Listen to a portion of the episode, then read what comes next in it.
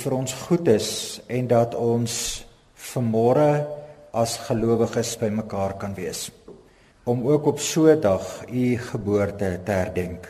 Vol vreugde sing die engele skaar: Here, Here. Aan hom die God van die hemele, die seun word mens, die woord is waar. Halleluja. Halleluja. Hy het ons kom red, ons skuld gedra. Ons loof die raadsman wonderbaar. Aan hom die Heer van die hemele, God se liefde word geopenbaar. Halleluja. Halleluja. Hy het ons kom red, ons skuld gedra. Amen. En almal sê saam: Amen. Broers en susters, genade en vrede vir u van God ons Vader en van Jesus Christus ons Here. Kom ons sing ons 'n loflied saam.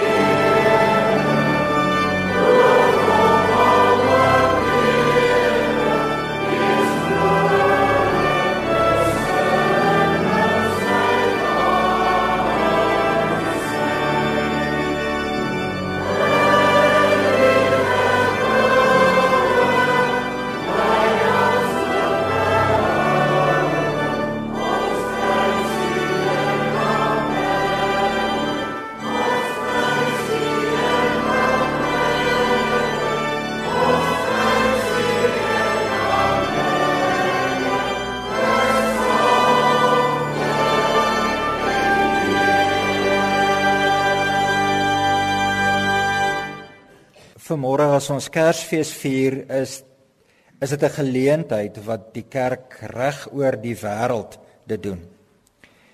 So wanneer ek en jy vanmôre saam bid en ons gaan 'n stuk van die Onse Vader vanmôre saam bid, dan dan is daar twee momente wat ons vashou aanhak in die geskiedenis van die wêreld.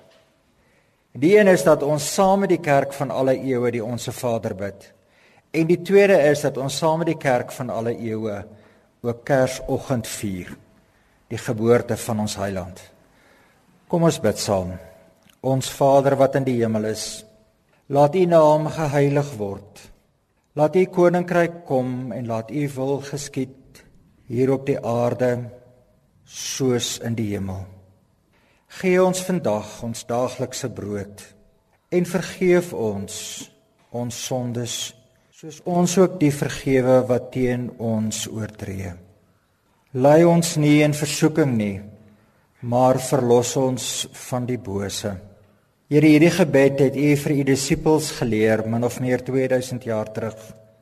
Dit is die gebed wat ons op hierdie Kersdag saam met medegelowiges weer bid.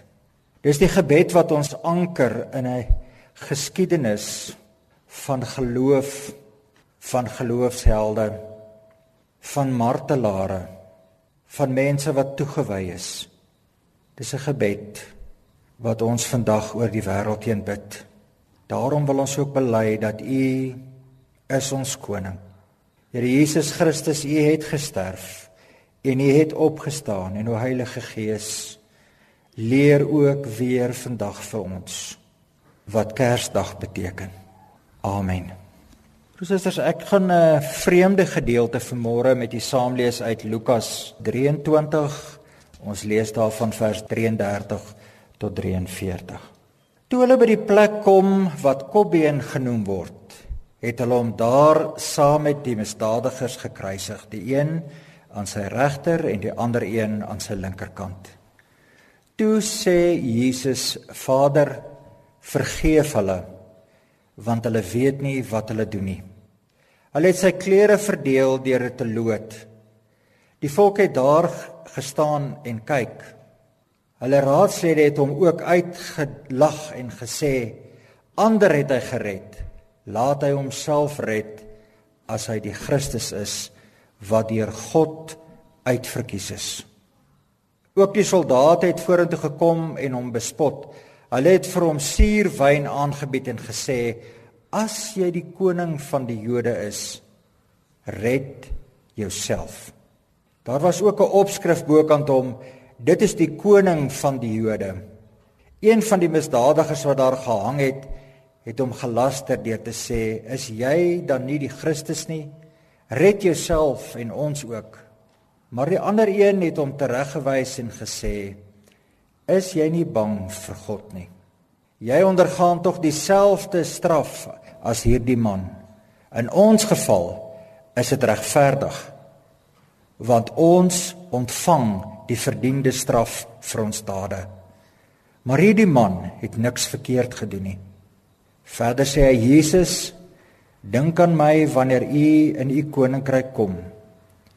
En Jesus antwoord hom: Ek verseker jou vandag sal jy saam met my in die paradys wees. Tot sover. Kersdag is 'n baie interessante dag. Ek dink die meeste van u sal sê as ons Kersdag vier, dan uh, is dit normaalweg saam met 'n klomp vriende of saam met 'n klomp familie en normaalweg is daar altyd 'n gestoei oor die kos, so daar word redelik re, uh, redelik vroeg reeds al voorbereidings getref oor wat gaan ons saam eet en uh, dan word daar daarom nog in in die meeste van ons uh, huise word daar gesê maar kom ons gaan net eers kerk toe en as ons terugkom van die kerk dan gaan ons 'n bietjie saam kuier al is ons met vakansie weet ek dat plekke het spesiale eredienste waarin ek wil amper sê duisende der duisende mense kersoggend eers 8:00 in die oggend of 7:00 in die oggend al eers kerk toe gaan Mense sê dat in 'n Kersdag is daar drie goed wat vir ons almal belangrik is. Die eerste is is dat ons saam met mense wil wees wat ons ken. Ons wil eintlik saam met familie wees. Dis vir ons belangrik. Die tweede is is dat daar moet ehm um, kos wees. Nou ons wil ons wil baie graag hê daar moet kos wees. En die derde wat ons uh uh uh ook wil hê is is daar moet uh darm goed wees wat lekker is. Met ander woorde, daar moet daar 'n geskenkie wees. Daar moet daar 'n bietjie van 'n verrassing by wees. Al maak ek weet baie huisgesinne sê, hoor hierso ons gee hierdie jaar net R50 se geskenkies. Jy mag nie meer as R50 koop nie of as R200 of. Ek weet ook daar's gesinne wat sê, weet jy, ons koop nie geskenke nie. Ons vat daai geld en ons gaan gee dit uh vir iemand anders wat ons weet wat wat 'n uh, regtig ernstige nood het. So in jou kop wil ek hê jy moet uh, vanmôre nou saam met my dink aan die drie goed wat jy nou voor voorberei het. Ons is in eerste plek nou saam met mense hierso. Ons sit in die kerk en ek wil hê jy moet weet wie is die mense wat nou nou saam met jou aan tafel gaan sit. Dink 'n bietjie aan daai name. Het jy hulle Ek weet party van ons sê ons kan nie met almal wat daar is by Kersdag mos nou goed oor die weg kom nie want party van die skoonsissies en party van die swaars en party van die neefies en die niggies is nie altyd 'n gemaklike mense nie. Die tweede wat ek wil vra is, het jy al geskenke uitgedeel? Ek weet daar's 'n gebruik om op ou Kersaand geskenke uit te deel. Of gaan jy dit nou doen of het jy dit klaar gedoen? Ek dink baie mense kom nie geskenke hierdie Kersfees uitdeel nie. Dan die derde gaan ons nou wat ek gesê het oor die kos. Ek kan nou nie praat oor die skaapbout en aardappels wat in die oond is nie. Ek wil ook nie praat oor dat dit 'n koue ete gaan wees vandag want dit is 'n uh, dis verskriklik warm vandag nie. Ek wil eintlik praat oor die atmosfeer wat daar heers. Oor wat gebeur wanneer ons saam as familie, as vriende saam kuier. Daar gebeur 'n klomp goed as ons saam kuier. Daar gebeur dat daar weer herinneringe opgetel word. Met ander woorde, ons is ou vriende wat eintlik jare al saamkom of familie wat jare lank saamkom. So ons as ons vir mekaar kyk, dan dan onthou ons 'n klomp goed wat in ons verlede gebeur het. Ons dink aan die slegte goed wat gebeur het. En ons verpak dit. Want dit moet verskriklik wees broers en susters om op Kersdag nog steeds jou haat of jou woede te bly kole gee om om mense te na te kom. Kersdag is die dag wat jy die die graaf bære en nie kole gee nie. Kersdag is die dag wat jy sê, weet jy, soos wat Christus gekom het en uh vir my vergewe het, so wil ek jou ook vergewe. Nou kan jy begin verstaan hoekom ek die teks gelees het wat ek gelees het. Christus sê, Vader, vergeef hulle want hulle weet nie wat ek doen nie. Christus is besig om om dan vir die mense daar rondom te sê weet jy dis vir my sleg dat julle my beskuldig van goed maar in hierdie beskuldiging is dit 'n stuk waarheid ek is die koning van die Jode maar ek gaan ook ter wille van die saak van versoening en van vrede en van liefde gaan ek die saak regmaak hoe stook jy jou vure. Hoe vier jy jou Christus fees? Hoe is hierdie dag 'n ander dag as ander dae? Is dit nie vandag die dag wat jy moet sê vrede op aarde en die mense welbehae nie? Is dit nie die dag wat jy 'n bietjie anders moet begin kyk nie? Is dit nie die dag wat jy moet sê Vader vergeef hulle? Die probleem is broers en susters, as ek en jy by Kersfees kom, dan uh, dan bring ons 'n klomp goed saam normaalweg. En, en ons kyk ook wie bring wat. En normaalweg is daar so 'n bietjie spanning in families want hierdie een se kinders het meer persente gekry of die het persente gekry as daai een en ek en en ek weet party gee hulle geskenke apart want want die neefies en die niggies kan nie dieselfde duur persent maar, maar jy kom eintlik in jou wese as mens kom jy as 'n geskenk vir die mense om jou. Jy kom as 'n mens met daai wie en wat jy is na die mense om jou. Ek het al baie by begrafnisse broers en susters vir mense gesê ek het al gruwelooslike walglike ryk mense begrawe. Weet jy, hulle gaan met niks weg nie. Ek het al mense begrawe en een van die verhale is een van die goed wat my sal bybly van die vriend wat blind is wat by sy ander vriend staan by die kus en sê ek gaan jou mis want ek gaan ons geselskap mis. Dis wat jy bring. Jy bring nie 'n klomp geskenke en 'n klomp kos nie. Dis ook wat jy bring. Ja, jy het nou 'n klomp koue piesangs gekoop en jy maak nou koue aardappelslaai en en en, maar weet jy, jy, jy bring jouself na die na die partytjie toe. Jy bring 'n bitsige tong, jy bring 'n verneinige gesindheid. Jy bring jy bring 'n 'n 'n klomp aggressie wat in jou kop weggeberg is, bring jy na Kersfees toe. Waarom wil jy vandag dit op die tafel sit? Want dit is wat die koning van die Jode gedoen het. Hy het hy kon nie anders as om homself te bring na die partytjie toe nie.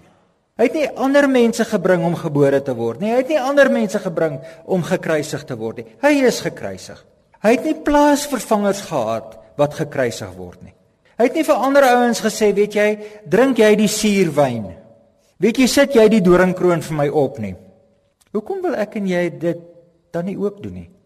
Hoekom wil ek en jy wat hierdie lewende Here aanbid want dit is wat ons bely, ons glo dat hy leef, dat hy in mense en deur mense leef, dat hy op hierdie dag vir ons gebore is. Hoekom wil ons dan nie self na die partytjie toe kom nie?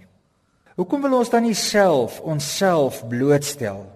Deur dalk te sê, weet jy, ek is verskriklik jammer. Deur dalk te sê, weet jy, ek het nie hierdie jaar by jou uitgekom nie en ek wil ook nou nie skuldig voel omdat ek nie by jou uitgekom het maar weet jy ek het jou gemis hierdie jaar. Geskenke, paas en maas is nie die goed wat jy vir jou kinders koop nie. Dis wie jy is.